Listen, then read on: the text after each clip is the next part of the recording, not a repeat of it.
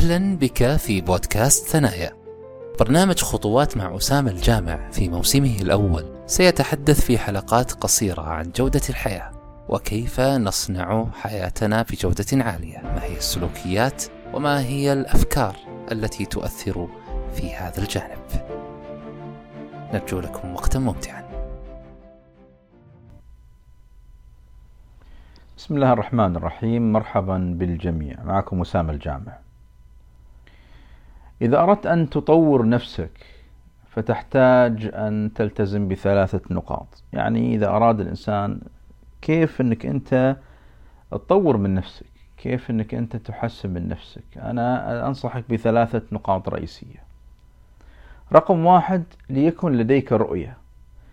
رؤية بمعنى أن هناك بعد خمس سنوات تعرف أنت ماذا تريد أن تفعل. لا يكن نظرتنا فقط ما بين أقدامنا أو, اليوم فقط.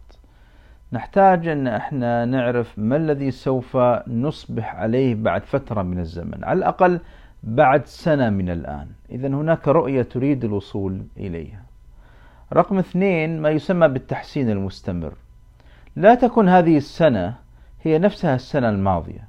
تحتاج أنك أنت تكون أفضل في كل سنة تمضي فيها. يعني سنة 2020 ما يفترض أنها تكون مثل سنة 2019 سنة 2021 ما يفترض أنها تكون مثل سنة 2020 كل سنة تضيف إلى نفسك شيء جديد يختلف عن عن السنة الماضية يسمى التحسين المستمر. بحيث أنك دائما تحسن من نفسك. في بعض الأشخاص يروح دورات بعض الأشخاص يقرأ بعض الأشخاص أنه يحضر مؤتمرات. فهناك دائما تحسين مستمر بحيث أنك ما ترضى أنك تكون بنفس المستوى زي ما كان في السنة الماضية. رقم ثلاثة أن تبحث عن دور مميز بالنسبة لك. أحد الأشخاص يسألني أنا بفتح محل فأقول له إيش هو الشيء المميز في هذا المحل الذي يختلف عن بقية المحلات الأخرى؟ فما هو الشيء المميز الذي أنت تملكه لا يملكه آخرون. أو لنقل أن لديك بصمتك الخاصة في تقديم هذا الشيء للآخرين. فتحتاج أنك تفكر بامتلاك شيء مميز خاص فيك لا يتكرر كثيرا عند الآخرين. يطلق عليه نيتش أو الدور الفريد أو الدور المميز الخاص بك أنت. من الوسائل كذلك أنك أنت تصاحب المميزين تصاحب الأشخاص اللي يفكرون بإنتاجية لديهم أفكار إنتاجية. أنا ما أقول أن الأصحاب الآخرين تتركهم أو تقاطعهم لا. ولكن إذا عندك أنت مثلا خمسة أصحاب ليكن واحد اثنين منهم مميزين يعني لديهم أفكار إنتاج مشاريع تقدم عندهم عندهم تميز في حياتهم. ليش؟ لأن المشاعر معدية الشخصيات معدية الصاحب ساحب. هذا المميز راح يأثر عليك تأثير إيجابي. لكن إذا كان جميع أصحابك عاديين يأكلون وينامون ويشربون ولا يفعلون شيئا فهذا لن يكون مفيد بالنسبة لك في تطويرك لنفسك. النقطة التي بعدها اللي هي مسألة القراءة. الأشخاص الذين يقرؤون كثيرا تزداد مدارك عقولهم يحبون أنهم يحصلون على المعلومة الجديدة، هل تعلم مثلا أن الخلايا العصبية بين كل خلية عصبية وعصبية أخرى هناك موصلات بينها؟ هذه الموصلات العصبية تزداد سماكة كلما اشتغل اشتغل ذهنك في القراءة وحل المسائل وحل المشكلات، انتبه أن تصاب بالكسل الذهني بحيث أنك لا تفعل شيء ولا تقرأ شيء ولا تحل مشكلات. وتجلس دائما في راحة تامة. هذا مضر للدماغ مضر للذهن. لذلك القراءة ثم القراءة ثم القراءة تحتاج أنك تقرأ باستمرار. يوميا أنك أنت تقرأ وعندما أقول أنك تقرأ لا أقصد أنك تقرأ أخبار أو تقرأ وسائل التواصل الاجتماعي. أقصد أنك تقرأ كتب تقرأ مواضيع تقرأ في شتى المجالات. القراءة تزيد من إنتاجية الإنسان ومدارك عقله وتجعله يفكر بأفكار كثيرة عديدة إنتاجية مفيدة. النقطة التي بعدها لا تحاول أن تقنع أحد ولا تدخل في جدال مع أحد، وفر طاقتك. ضع طاقتك في الإنتاج، ضع طاقتك في البناء، ضع طاقتك في آه، في في استثمار الوقت لأنك راح تضيع وقتك إنك تحاول أن تقنع أحد آخر ليس مقتنع. لا لا تضيع وقتك. حاول إنك تعرض رأيك دون محاولة إقناع الطرف الآخر. فقط اعرض رأيك وكيف إذا هو أراد أن يأخذ برأيك؟ كان بها ما أراد أن يأخذ برأيك مش لازم إنك أنت تقنع أحد ولا تدخل في جدال أو تحاول أن تبرر شيء أنت تحاول يعني تحاول أن تبرر شيء أنت اخترته. لا تبرر لأحد أي شيء خاص فيك أنت. فهذا الشيء مهم. لذلك انتبه من الصراعات. أنك تدخل في صراعات وتحاول أن تقنع فلان وفلان. انت تضيع وقتك. استثمر وقتك في الإنتاج. ذلك أفضل لك. من النقاط كذلك أن تجرب أشياء جديدة في حياتك. بعض الأشخاص يسألني يقول لي كيف كنت أستطيع أني أنا أتغير.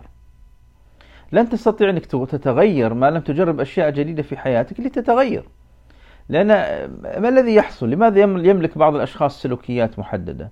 لأن لديه معتقدات تولد هذه السلوكيات طيب كيف أقدر أغير هذه المعتقدات؟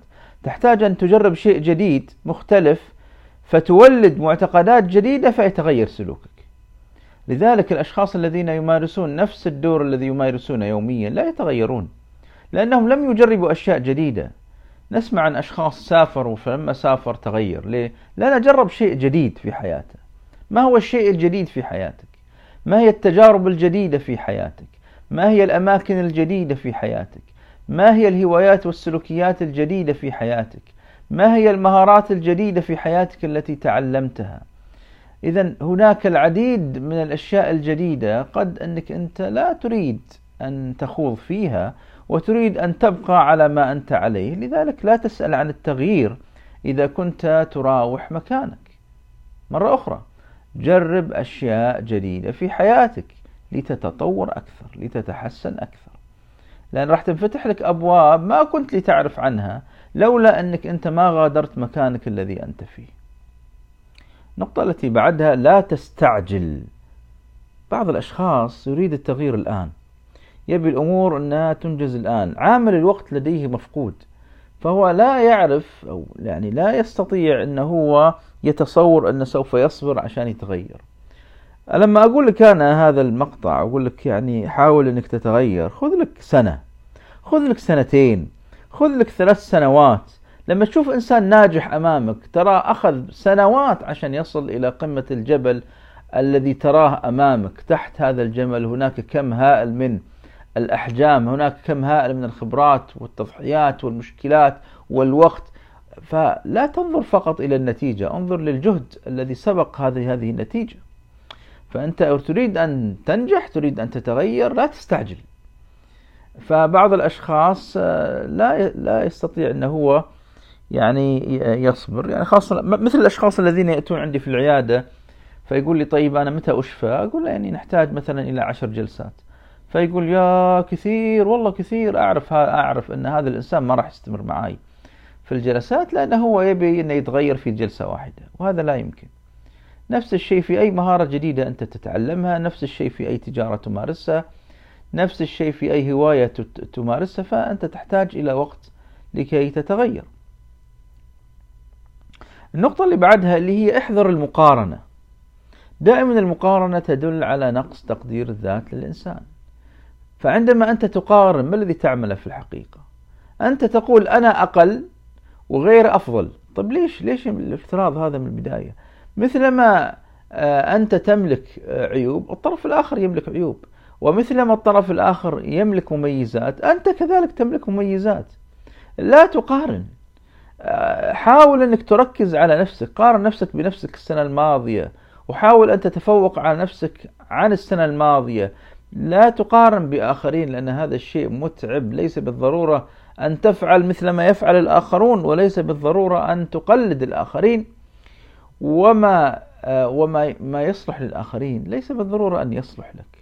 والأمور اللي هم متفوقين فيها ليس بالضرورة أنك أنت تتفوق فيها. أنت ليس بالضرورة أن تتفوق في كل شيء تفعله.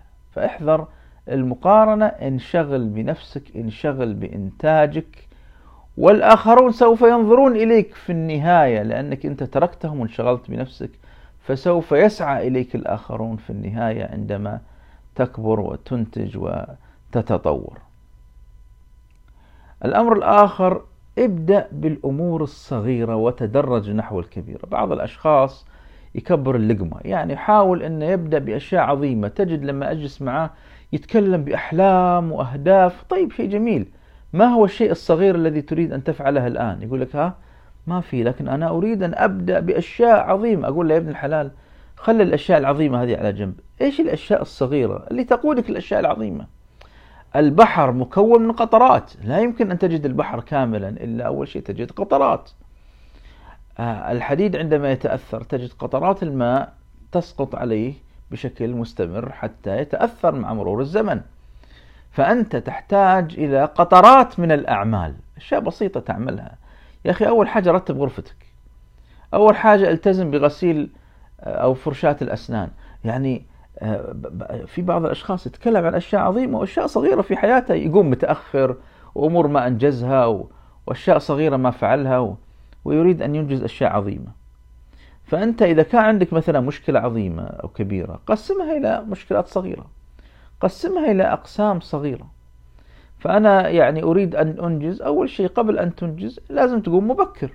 فما ينفع أنك تنام فترة طويلة وتقول لي أنا أريد أن أنجز أمور عظيمة مثلا. فيعني ابدأ بالأشياء البسيطة في حياتك ثم تدرج إلى أشياء أكبر منها. النقطة الأخيرة اللي هي اهتم بالتغذية الراجعة.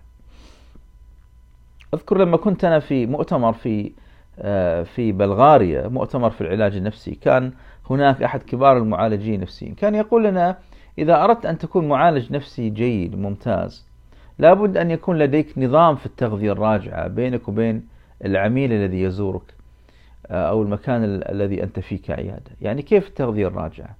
يعني اسمع ملاحظات الآخرين على أدائك. أنت أديت بشكل جيد. اسأل مثلا هل كان الجلسة مفيدة؟ هل كانت هذا هل كان العمل اللي إحنا سويناه لك إياه جيد؟ أن يكون عندك أنت نظام للنقد لعملك نظام للنقد لعملك.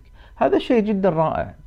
بعض مثلا الشركات لما تشتري من عندهم منتج يبدون يتصلون عليك. كيف المنتج معك كيف معاملة البائع معك كيف وجدت المكان؟ يحاولون أن يأخذون تغذية راجعة ملاحظات. ليش؟ لأنهم يريدون تطوير العمل.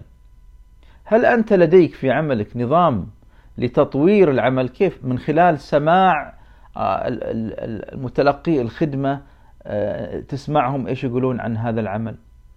لأن ليس لا يكفي حقيقة أنك أنت تملك مثلا عشر سنوات من الخبرة. لا الخبرة الجيدة هي الخبرة المعرضة للنقد. الخدمة التي تقدمها وتكون معرضة للنقد تزداد تطورا.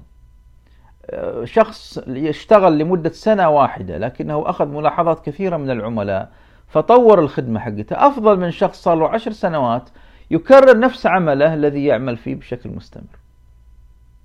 فهل أنت لديك نظام للتغذية الراجعة تجاه سلوكياتك تجاه ما تعمله تجاه شخصيتك؟